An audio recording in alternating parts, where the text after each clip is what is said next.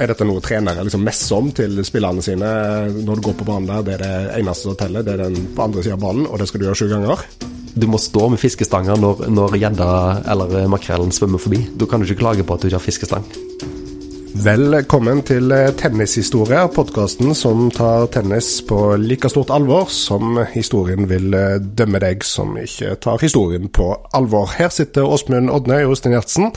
I dag skal vi snakke om et eh, fransk mirakel i 2013, om det magiske tallet sju, og ikke minst om det å gi opp og kaste inn håndkle, slippe lufta ut av ballongen. Eh, Stopp meg gjerne nå. Ja, du, metaforposen kan vi la ligge litt til. Hei, Åsmund. Hallo. La oss ta det første og det viktigste og det største. For å vinne en Grand Slam er jo nettopp det. Hva skal til for å vinne en Grand Slam-turnering i tennis?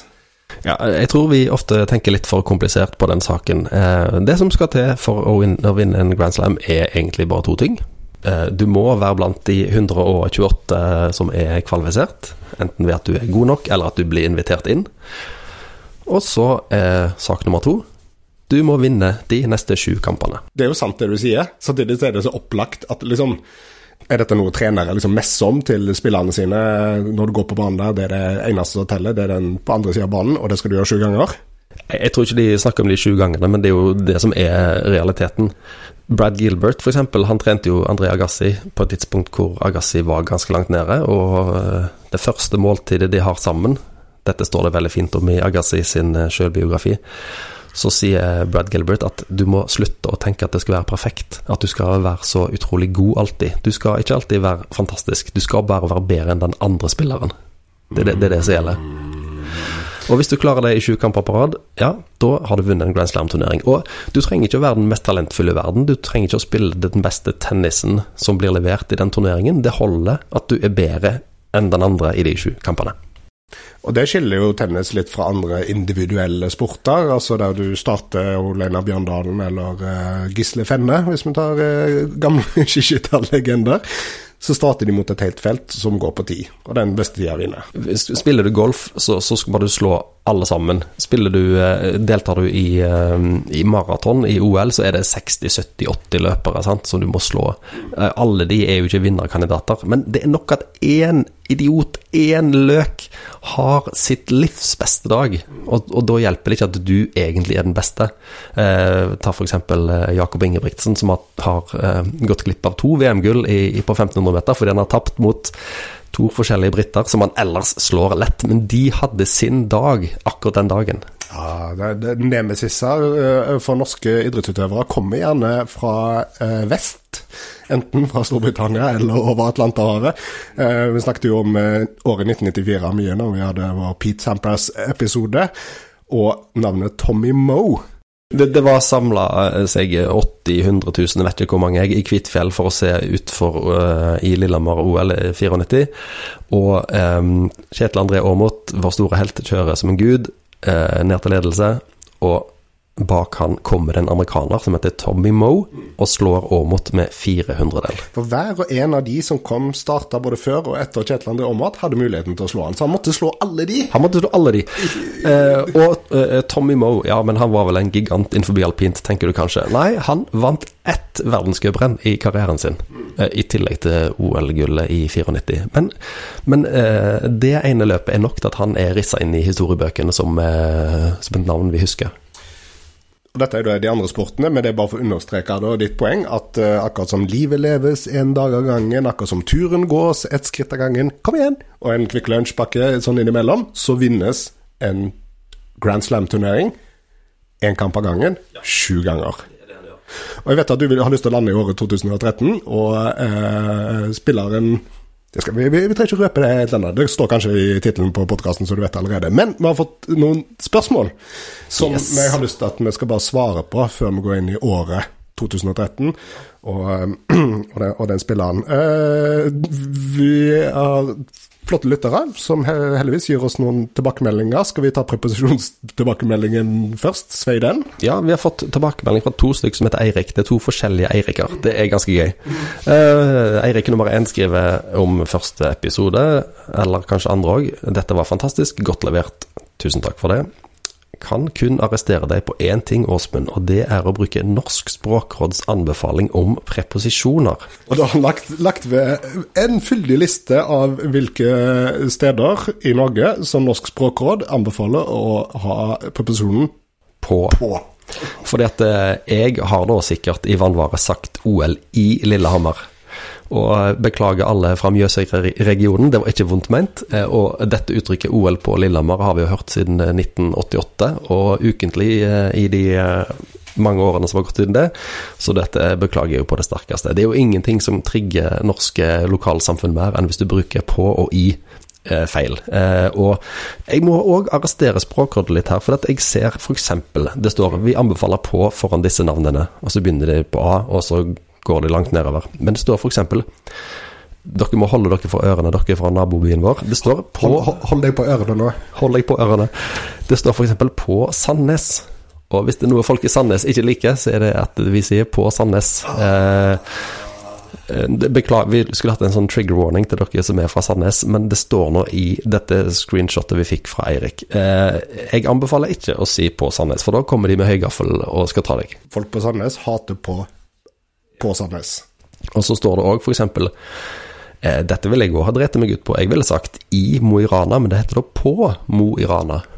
Og det heter tydeligvis på Agder, når en snakker, snakker om kysten. Altså, det er mye rart. Ok, men vi er ikke språksnakk. Vi tar tilbakemeldingen. Vi skal være preposisjonskorrekte, og så kan vi eventuelt ha en side, eh, sidepreposisjonspodkast. Nei, du har en du har Jeg, bare, en jeg, jeg, jeg, jeg, preposisjonsrette. bukke på en ting til, for Språkrådet skriver jo at det heter på, på Madla, eh, en bydel i Stavanger, det er riktig, mens vår bydel, Storhaug, står ikke nevnt engang. Så, så her er, det, det er jo eh, bydelssegregering i tillegg her, det, det er mye galt.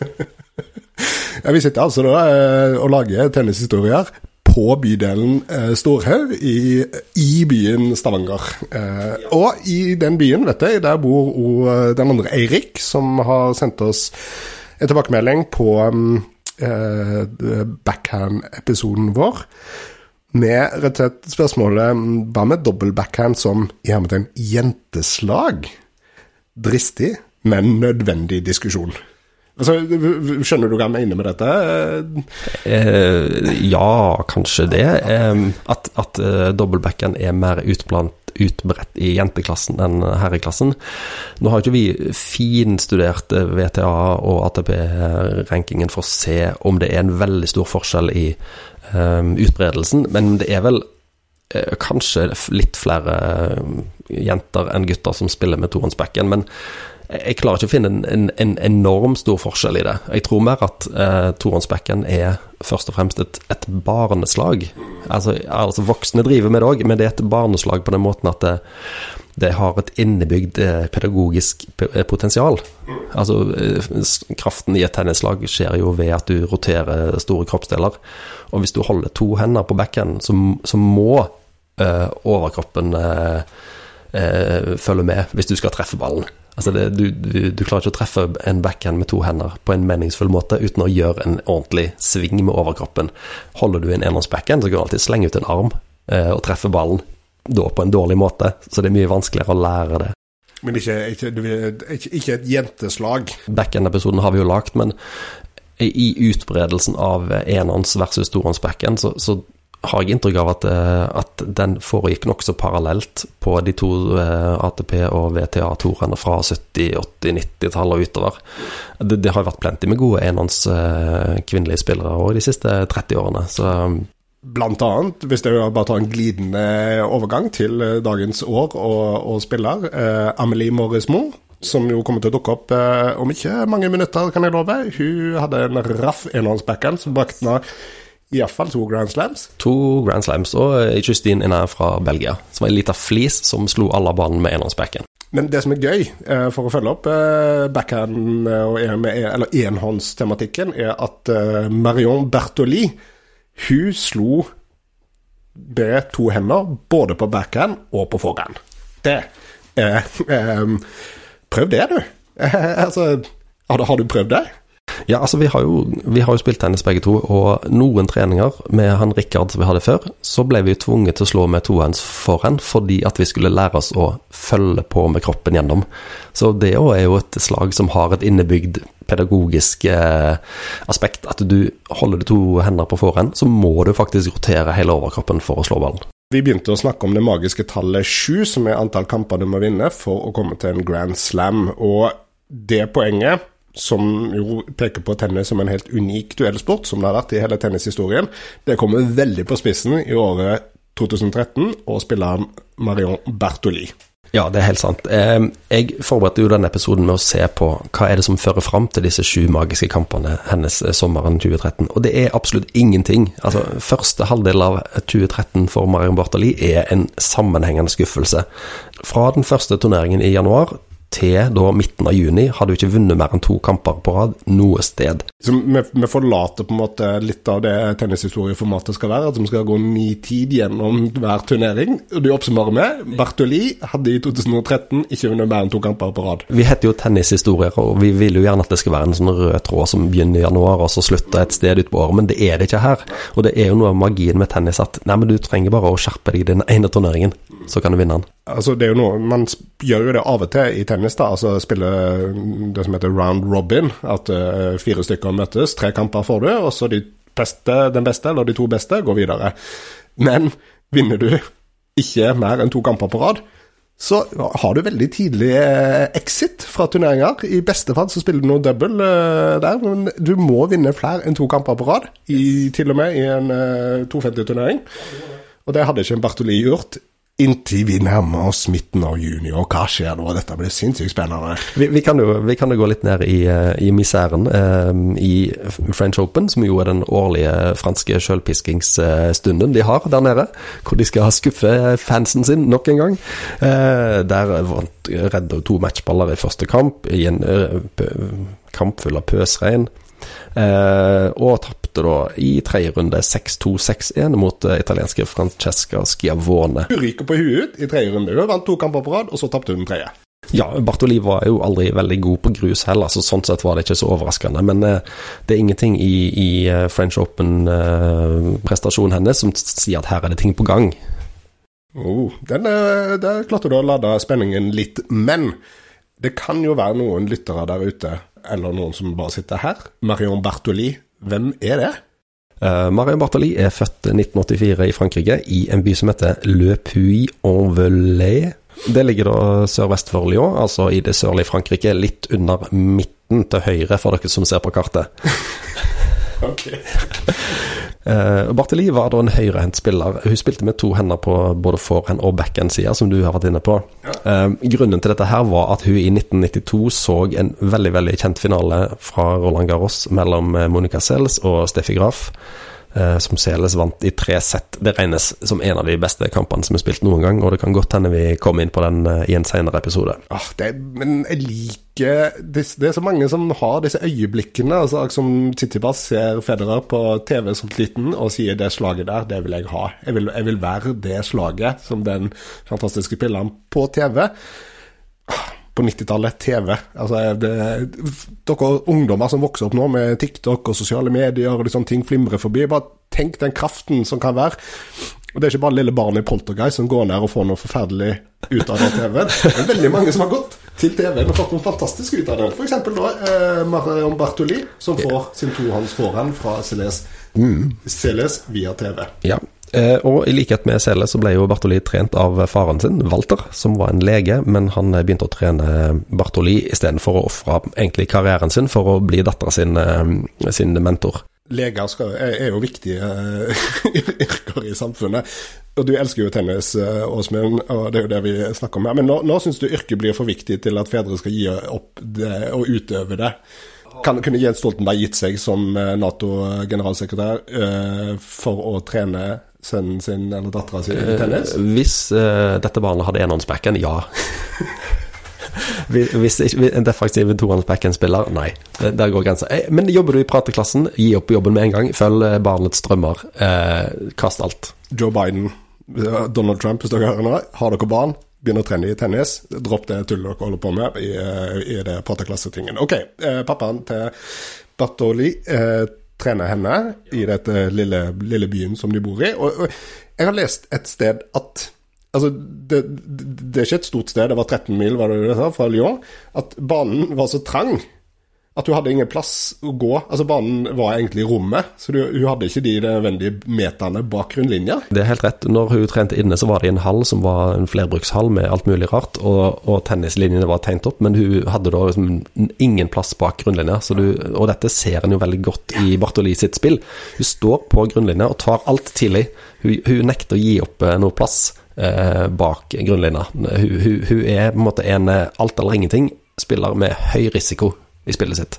Og det er rett og slett fordi at du har spilt med ryggen mot veggen. Eh, apropos én kamp om gangen, så kan vi bare dytte alle klisjémetaforene om livet her. Eh, mm. hun, spil, hun, hun, lærte å spille tennis med ryggen mot veggen. Og hvis du må velge altså at et sted må du trene som barn, vil du da ha en bane midt ute på ei stor slette, der du har uendelig med plass i alle retninger, og kan bli da øh, eh, Medvedev eller eh, Kasper Ruud på sitt verste, sant? altså 13 meter bak grunnlinja, eller vil du ha ryggen mot veggen og bli prest fram i banen?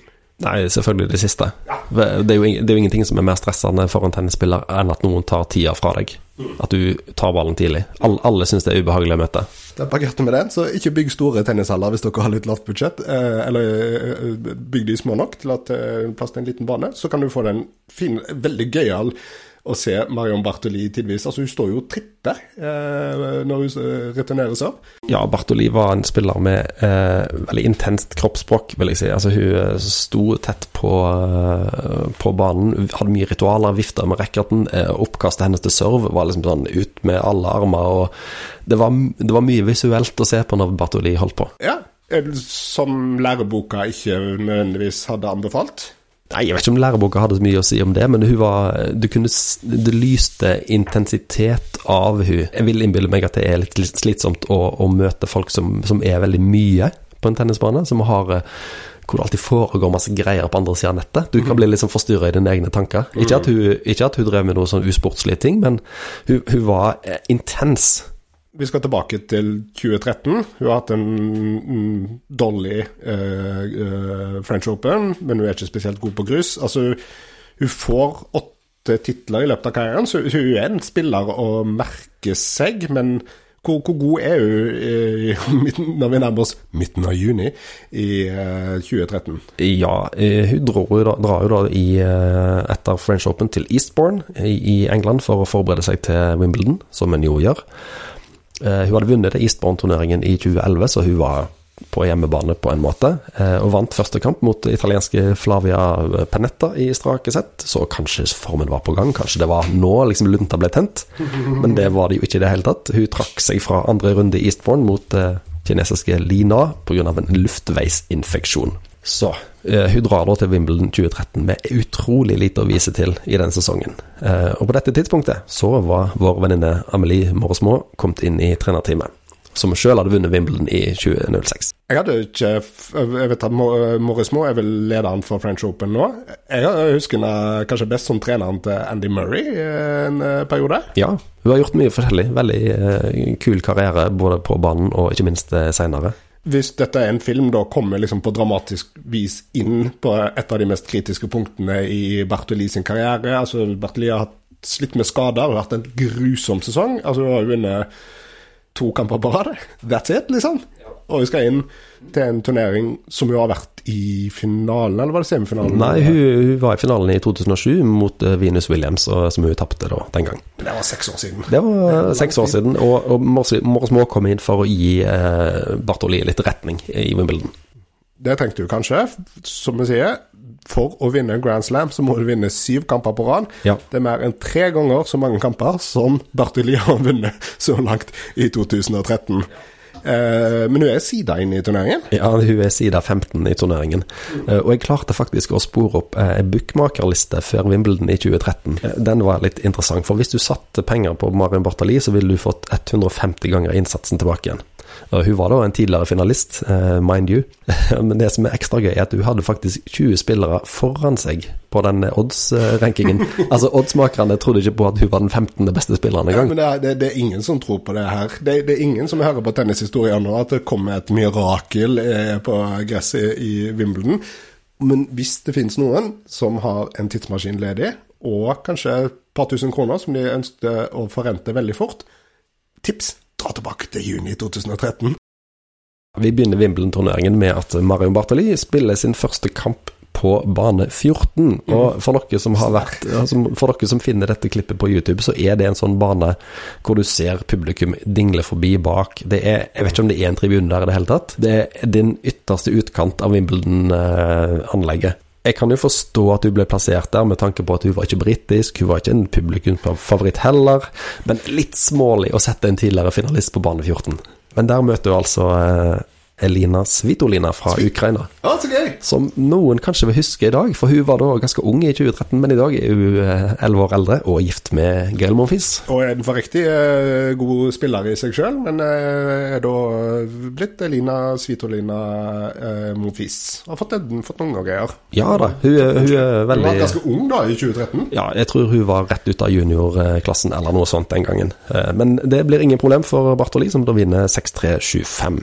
Da har jo vunnet én kamp, altså 50% av det så langt du har kommet så langt i 2013. Ja. Andre runde.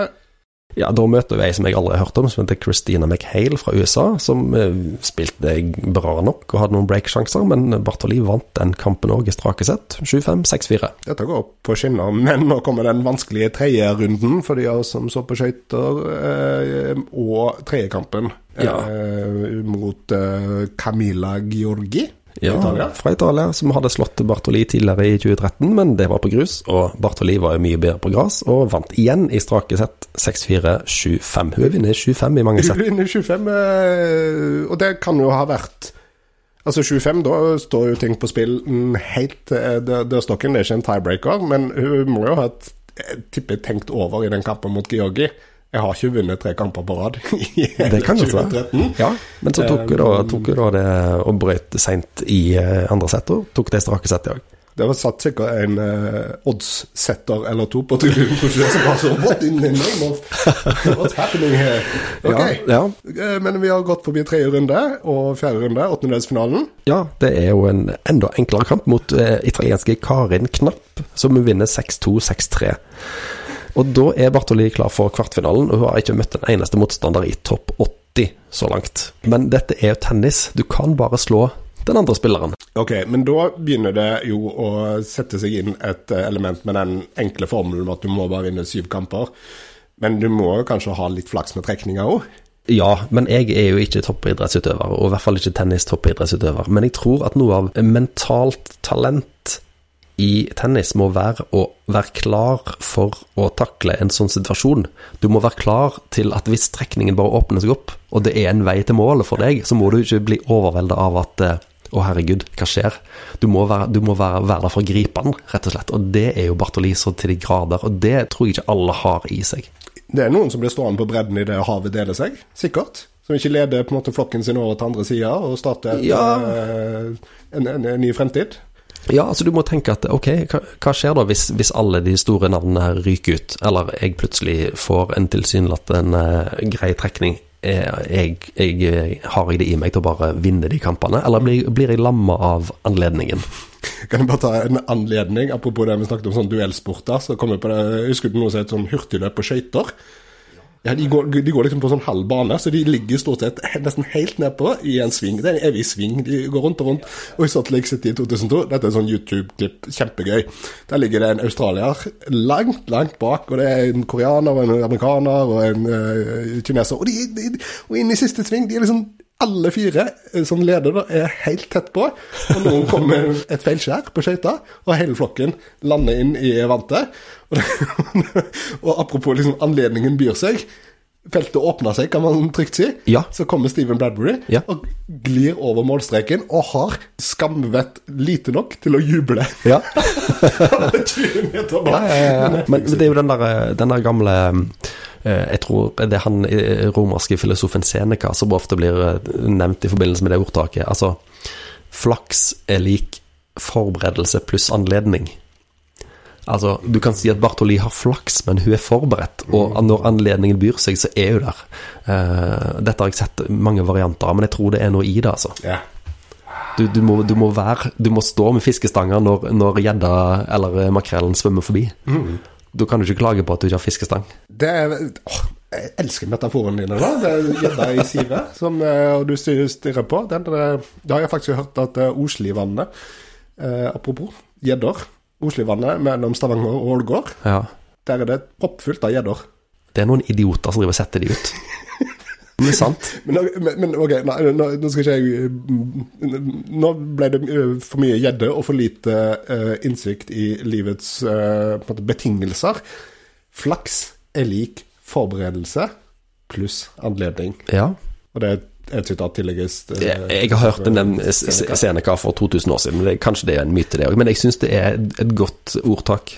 Det er veldig kult å anvende det da på Bartoli, om vi skal liksom gå tilbake igjen til eh, denne Wimbledon-turneringen og la våre liv og fiske ligge. For hun er da i kvartfinalen. Ja. Og det har, det har åpna seg opp. Og det åpner seg enda mer opp eh, på andre sida av tablået, kan man si det sånn? Det gjør det, for dette, det som skjer der, er at vi har ei tysk dame som heter Sabine Lisicki, som er eh, i åttendelsfinalen mot Serena Williams, den store favoritten, Ja. og slår ut Serena Williams. Så denne Wimbledon-turneringen i 2013 begynner å tegne seg som en sånn derre en gang i livet-sjanse for alle involverte her. For nå er de fleste store rydda ut. Mye takket være Sabine Lisicki fra Tyskland. Ok. Som denne episoden kunne handle om, men vi liker jo Frankrike. Og det, det, det er en bedre historie med Bartoli. Vi vil, vi vil fortelle en historie som ender godt, ikke en som forteller, ikke en som ender i tyske tårer. Men iallfall, det som òg skjer, da, er at i den ene kvartfinalen så møtes de to høyest eh, ranka spillerne som er igjen, altså Agniska Radvanska fra Polen og Lina fra Kina. Der forsvinner en av de, og åttende sida Petra Kvitova, som jeg tror hadde vunnet turneringen allerede en gang i karrieren, hun ryker òg ut i kvartfinalen. Sånn at da har vi i semifinalene Sabine Lisicki mot Radvanska, som er fjerde side, fra Polen. Og så har vi den andre, Marion Bartali fra Frankrike, mot eh, Kristen eh, Flipkins, Kirsten Flipkins fra Belgia. Men det, det, det er vel verdt å nevne at um, Bartoli slo Altså, hun møtte jo ordentlig motstand i sin kvartfinale. Sloane Stevens, som var 17. side. Ja, hun møtte Sloane Stevens, er 17. side. Det, det er sant. Men Men, bildet 6-4. Hold it. 7-5. eh, 25. Som er da i semifinalen mot uh, Flipkins. Uh, la oss ta Lisicki, da, som blir en karakter her i, i dramaet. Hun uh, vinner sin semifinale. Ja, Lisicki vinner sin semifinale, og Bartoli knuser jo Flipkins eh, 6-1-6-2. Det er ikke noe 7-5 der, altså. Det er ikke noe 25. Der var, der var det ingen problem, rett og slett, i den eh, semifinalen. Så da er vi rett og slett i eh, finalen mellom eh, Bartoli og Sabine Lisicki fra Tyskland. Og dette, altså, altså, du nevnte jo en gang i eh, livet anledning. Altså, hun har ikke møtt noen spillere ranka over seg. Og etter en sesong der hun kun hadde vunnet to kamper på rad, så har eh, Bartoli vunnet seks kamper på rad, og møter en ikke eh, oversida Sabine Lisicki, som har kanskje sitt livs turnering her på andre sida av eh, tablået. Ja, Sabine Lisicki var ingen nobody på den tida, altså. Hun hadde gjort mye bra. og eh, ikke minst har du slått ut både Samantha Stoser, som, som også har Grand Slam-turneringer seier i karrieren, Serena Williams og fjerde side Radwanska på vei til finalen. Og hun hadde spilt to kvartfinaler og en semifinale i Wimbledon før, så hun var liksom ikke i helt ukjent terreng. Nei, men har hatt en mye tøffere tur. altså Har tre tresettskamper, og den eh, semifinalen mot Radvanska gikk eh, til tiebreak eh, og vel så det. Ja, den gikk til 9-7 i tredje sett. Ok, men hun, og underveis da så har Sabine Lisicki kanskje vunnet litt flere hjerter i publikummet enn det Bartoli har. Det har hun. De britiske tabloidene, som vi jo elsker å hate, har begynt å kalle hun for Doris Becker underveis i turneringen, med henvisning til at hun som sin eldre landsmann Boris Becker eh, serva veldig hardt. Og hun hadde nok publikum absolutt med seg i denne eh, finalen. La oss gå inn i finalen. Det er jo vanskelig å forutse hvordan en finale blir når du har to underdogs eh, i finalen. Jeg, jeg tror jo at både Lisicki og Bartoli nok visste innerst inne at dette er sannsynligvis den siste Wimbledon-finalen jeg spiller. Jeg er ikke så god at jeg kan regne med å være i denne settingen så mange ganger i løpet av karrieren min. Bartoli hadde vært der en gang før, men ja, og Det var eh, seks år siden. Nå er hun 8-29, i hvert fall inne i sine Ja. 29. år. Ja. Det er ikke alle forunt å være i mange eh, Grand Slam-finaler etter fylte 30. Absolutt ikke. Så, så det må nok ha vært et sted i bakhodet på begge to, at eh, mhm, eh, anledningen er spesiell. Og den tanken var nok mye lenger fram i hodet på stakkars Sabine Lisicki enn uh, Bartoli. Ehm, for det her går fort bratt nedover for den tyske storserveren. Første game så, så mister Bartoli serven sin på en dobbeltfeil.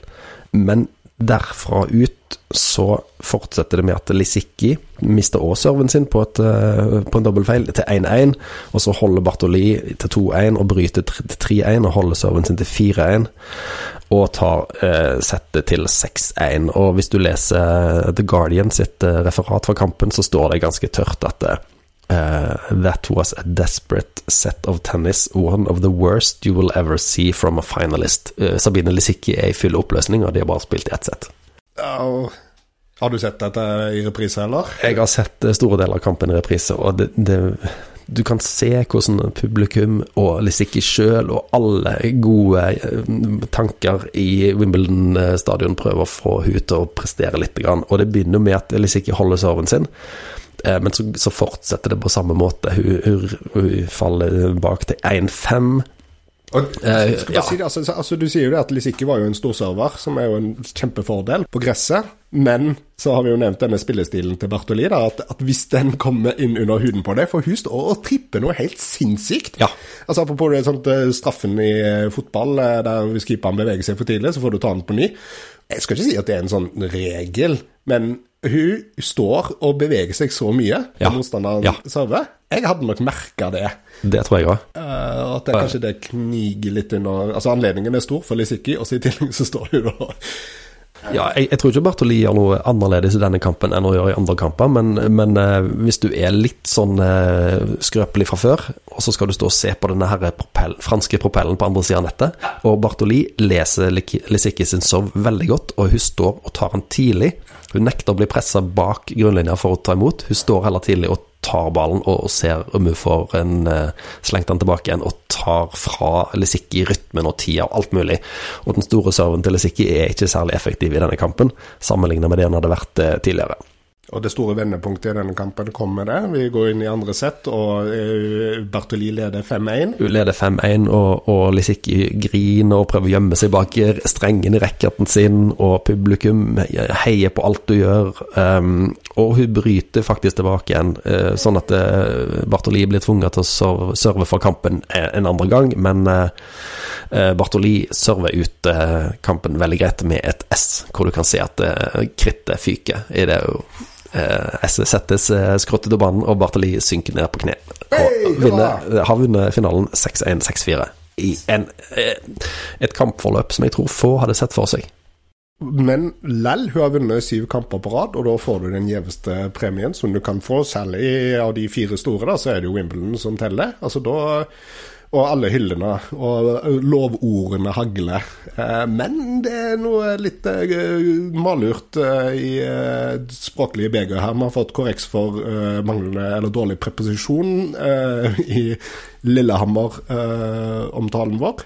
Ja, vi, har jo dessverre mange idioter der ute som bruker anledning til å kommentere Bartoli sitt utseende, og, til og med BBC sin kommentator, John Inverdale, eh, sier noe sånn som at eh, faren hennes nok har sagt at du kommer aldri til å bli en sånn eh, så mye å se på, så du må være en, en, en sånn hard fighter når du skal spille tennis. Um, han fikk heldigvis mye kritikk for uh, sine kommentarer om Bartoli sitt utseende, og Bartoli var jo kul nok til å respondere med å si at eh, ja, jeg er ikke blond, eh, det er sant. Eh, har jeg drømt om å bli modell? Nei, det har jeg ikke. Har jeg drømt om å vinne Wimbledon? Ja, det har jeg. Så eh, hun var eh, raus, vil jeg si, med, med han, og, men allikevel utrolig mye drit å lese om Bartoli fra sånne folk på nettet som for det første aldri holdt inn tennisracket, og for det andre, hvis de har gjort det, aldri hadde klart å returnere et eneste slag hun hadde sendt i deres retning. Med sin eh, enten doble forhand eller doble backhand, og med åtte titler i beltet og en eh, Grand Slam endelig, og 29 år, så kan man jo tenke Wow! Nå skal jeg bare cruise. Nå skal jeg ha det så gøy. Eh, Det som skjer etter Wimbledon, er jo Bartali drar, drar selvfølgelig til USA, som alle gjør, for å forberede seg til US Open. Og der spiller hun en kamp mot eh, Simona Halep i Cincinnati, og har en pressekonferanse etterpå og sier at takk for meg, jeg legger opp. På sin høyeste ranking noensinne, og fersk Wimbledon-mester. Det var summen av mange faktorer som gjorde at eh, hun kom til den konklusjonen. Altså det var, mm, da, da var hun på en måte ærlig med at jeg har slitt med skader i hele år, jeg hadde vondt i kroppen før og etter hver eneste kamp i Wimbledon. Eh, Akillesen er vond, altså hele kroppen er, gir beskjed om at eh, han ikke klarer å spille mer tennis på dette nivået. Det var, det var tomt i tanken, rett og slett. Det har jeg ofte tenkt på. Altså, når du vinner en Grand Slam, får du da nok penger til å leve eh, fett av det resten av livet? Jeg tror nok at i sum så var nok Bartoli godt sikra, ja. Ja, hvis det gjør vondt, da.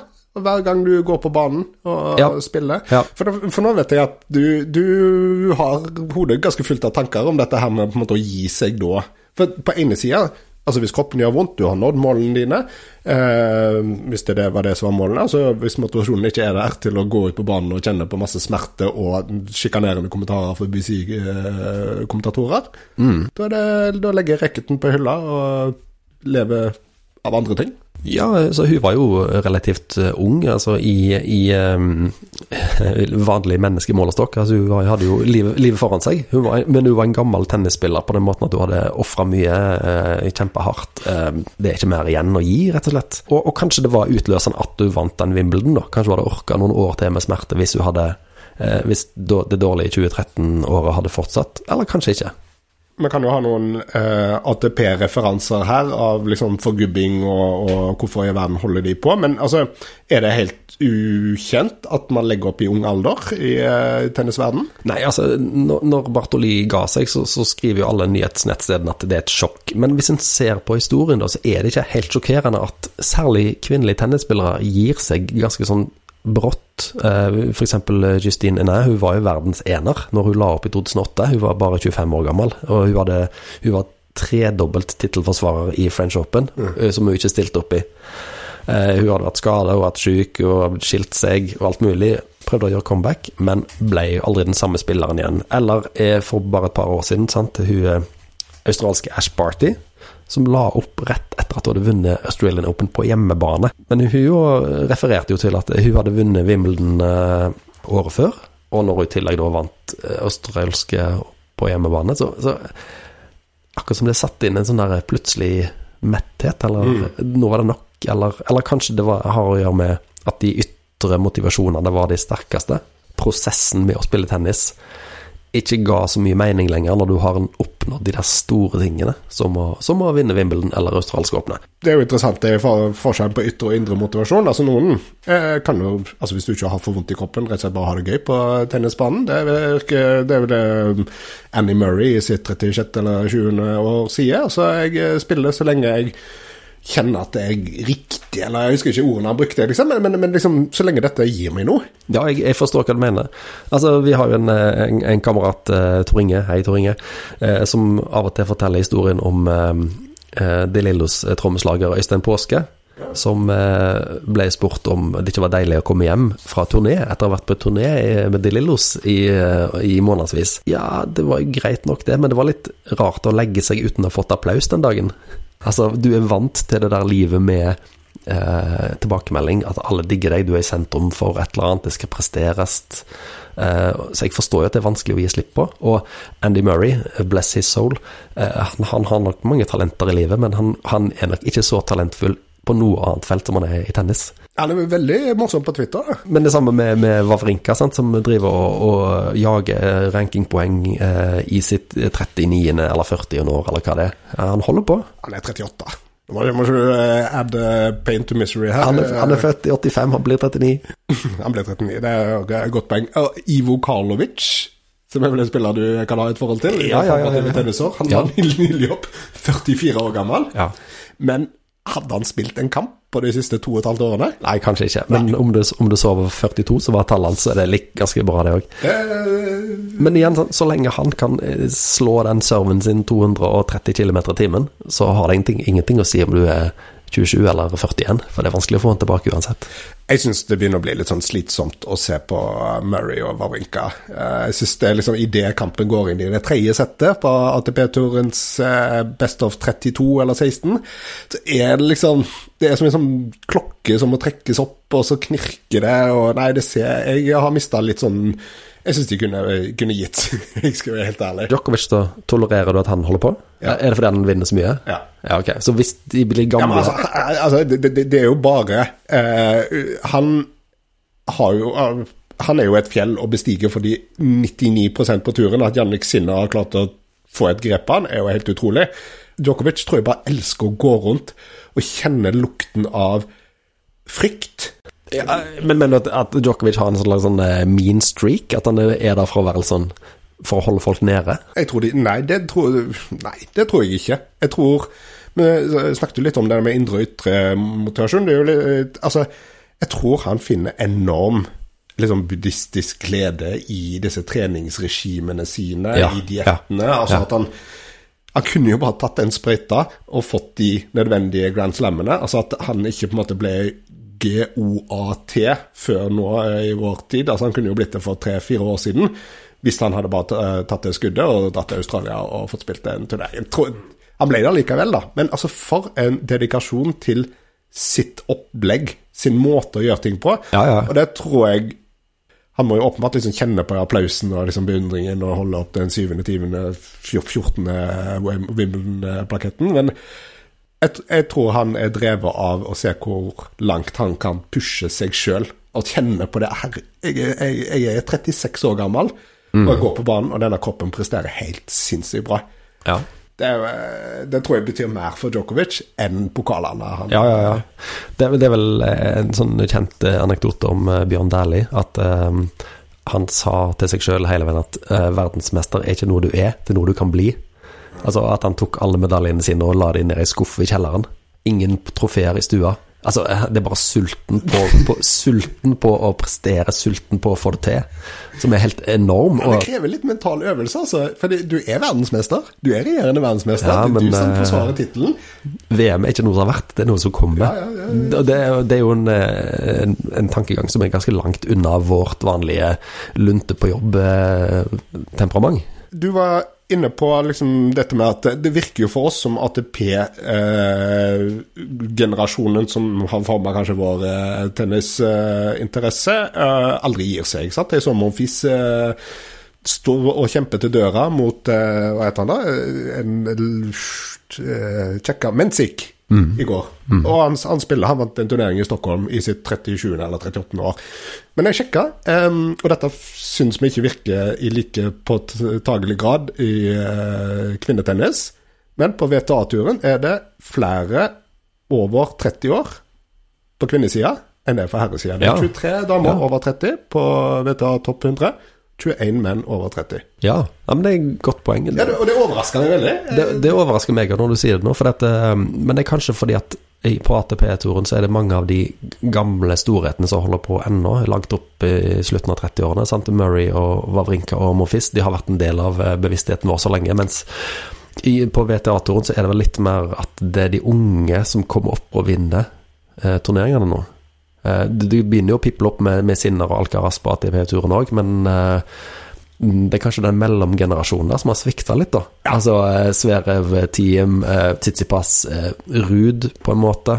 Svikta. Rublev, kvartfinalekongen. Ja. Eh, altså, jeg tror virkelig, Og de vokste nok inn i et sånn de tre store kompleks, som Sinner og Rune og Alcaraz ikke har. Og så viser det seg at du må ha en kropp som skal til for å gneite deg eh, inn eh, i på en måte topp treen. Det tror jeg ikke Alcaraz har. Jeg tror han spillestilen Altså at Nadal var et fysisk vidunder som tålte sin spillestil. Jeg Ja. tror Det virker ikke som Alcaraz har det. Rune bytter jo trenere for oftere enn min sønn bytter sokker. Eh, Men, men sånn er det jo ofte, at, at, at ting går litt sånn i, med u, ujevnt mellomrom. Altså Hvis en ser på det er en stor generasjon eh, på herresida født rundt 1970 med Agassi, Sampras og disse. Og så er det en stor generasjon født rundt 1980 med, med Federer, uh, Hewitt, uh, Roddick, uh, Safin. Men vår generasjon, Jostein Midt, midt på 70-tallet, der er det noen gapende hull. Vi har ikke så mange der. Dette kan vi komme tilbake til i en senere episode. Men, så det er av og til at, at storheten hopper over noen år. Yeah. F.eks. 1976. Der er det ikke så mange å skryte av. Så det er jo at, at ting ikke utvikles eh, sånn helt eh, knirkefritt da, fra, fra en generasjon til neste. Men eh, altså, apropos liksom eh, millennials eh, som har svikta, på en måte. Rudd eh, og Tittipas uh, Rublev-generasjonen. eh, Ja, nå, nå er vi veldig strenge, altså de er ikke svikta. Ja, ja, ja, men, men har eh, altså, ha- men har hatt kanskje et sånn i overkant eh, Big Three-kompleks. Nå har jo de Alcaraz sitter og- og Rune, og etter de nå så kommer jo det han der uh, Mensik, som jeg nevnte, og Fonseca, en eh, brasilianer som er vel kanskje i finalen på, i Rio, mens vi nå snakker, og amerikanske Mikkelsen, som senka Deminor eh, i Los Cabos. Så og jeg tipper at når det i det denne podkasten er rukket å blitt eh, nedlastbar, så er disse forsvunnet. Altså den tida vi har levd i, sant, med disse enormt dominerende spillerne Jeg tror det, det Nå kommer det opp og ned, og det blir mye sånn eh, mye, mye, blir mye tull eh, framover for de som liker stabilitet. Eller det blir kjempemye gøy, da. Deminor, satt Voff, inn i topp ti. Voff, eh, ut igjen fordi han tapper for en 19-åring.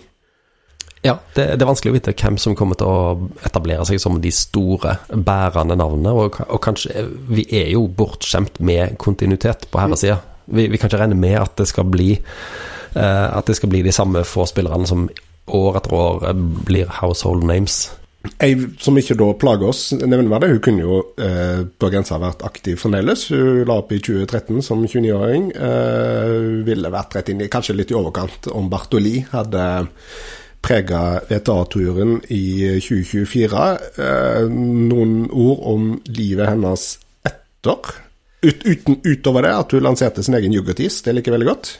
Eh, Hun har prøvd mye forskjellig. Hun har vært med, gjort en del TV, radio. Hun prøvde seg på et comeback i eh, 2018, men eh, ja, eh, sånn halvhjerta og, og ga seg med det. Hun har òg vært eh, trener for eh, French Open-mesteren Jelena Ostapenko i, i 2019, og de hadde et bra samarbeid der. Jeg tror de slutta, avslutta trenerforholdet Eh, ikke så lenge etterpå. Bartoli fikk jo òg et barn, at, og det var en covid oppi der, så det har vært mye greier. Men eh, Bartoli vil jo for alltid være Wimbledon-mester i 2013, uansett hva hun finner på resten av livet. Fordi hun nådde det magiske tallet sju. Og for de som er franskkyndige, sjekk ut eh, podkasten Bertoli Time på franske radiostasjonen RMC. Google bare Bertoli Time. Så finner dere en eh, vel eh, talende fin-fin podkast på, på fransk, gratis. Etter at du har hørt selvsagt tennishistorier.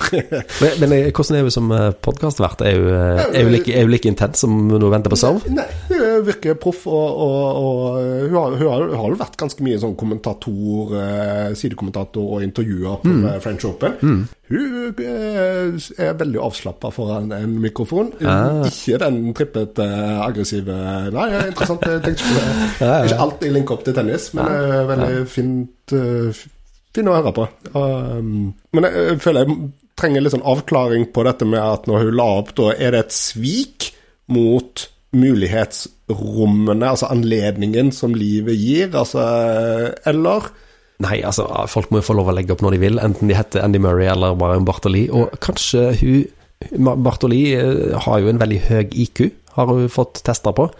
Og øh, skjønner vel kanskje òg at jeg kommer ikke til å vinne Wimbledon igjen. Da skal lydene slå ned to ganger på samme sted, og det skal litt til. Og jeg har spilt lenge, jeg er sliten. Jeg vil gjøre andre ting. Eh, alle må finne sin egen vei. alle må finne sin egen vei. Kan vi, bare, vi kommer sikkert innom det. Den eneste ATP-turneringen som jeg og deg har sett live sammen, var i Stockholm. Og da var det en som runda av karrieren sin foran våre øyne der, i en kamp mot det japanske Sugita. Eh, men kan du si, altså, Hvis noen som gjetter hvem som la av karrieren sin i Stockholm i 2019, Det er et vakkert minne for, eh, for, for Så send, send gjerne eh, Kanskje vi ikke skal si det? Hvis du har noen lyttere der ute som vet Hvem la opp i eh, Stockholm? Eh, spilte sin siste kamp der i kvartfinalen. Ja, noe sånt. Noe sånt eh, mot eh, japanske Sugita, i 35 år gammel. Han så litt eldre ut, må jeg si. Han så ut som en litt gammel mann, men han hadde en lang og veldig fin karriere bak seg.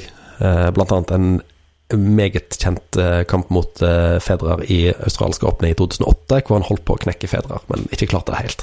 S- eh, vi har ikke noen kopp eller T-skjorte med, med merch ennå, men send inn ditt forslag på post.krøllalfa.tennishistoria.no. Hvem eh, la opp i eh, 2019 i eh, Stockholm? Og eh, hva er ditt beste altså, altså, hvem hva er den vakreste opplegget? Altså, hva er en god måte å gå ut på? eller sant? Altså, It's better to burn out than to fade away. Ja, Eh, eh, Neil Youngs eh, to versjoner av sortiet. Eh, Ja. Hva foretrekker du? ja. Har du en, har du en fin sortihistorie, så send den til oss til post.tennishistorier.no. Neste episode vi skal lage, har vi tenkt skal handle om eh, rett og slett matte. Eh, For der er vi så sinnssykt gode. Der er vi, eh, Har så mye på hjertet om matte. Ja, for hva gjør du når matematikken kødder med virkelighetsbildet du prøver å selge til folk? Um, herretennisen prøvde å gjøre noe med matematikken på begynnelsen av 2000-tallet, og resultatet det ble bare sånn middels vellykka. Jeg kjenner jeg kjenner jeg ble kjempenysgjerrig. Eh, Dette, har- dette har ikke du informert meg om. eh, Men eh, ok, vi skal snakke om matematikk. Herretennis. Forsøk på å rote eh, til matematikken. Begynnelsen av 2000-tallet. Herlig. Det er ikke alltid matten gir de svarene du vil ha, og da, hva gjør du da? Ja, Du blir bare sinna. Blir kjempesinna. Slenger boka i, i veggen og tamper på rommet sitt. Slenger igjen døra og sier 'jeg hater deg'. Det, det blir en episode om en blanding av matematikk og stollek i neste episode. Tennishistoria lages av eh, Åsmund Odnøy og Jostein Gjertsen. Har du noe du vil eh, at vi skal ta opp, har du tips til oss, har du spørsmål eller påpekninger av preposisjoner som var helt presise eller litt på sida, send inn din eh, innspill på post krøllalfa tennishistoria.no.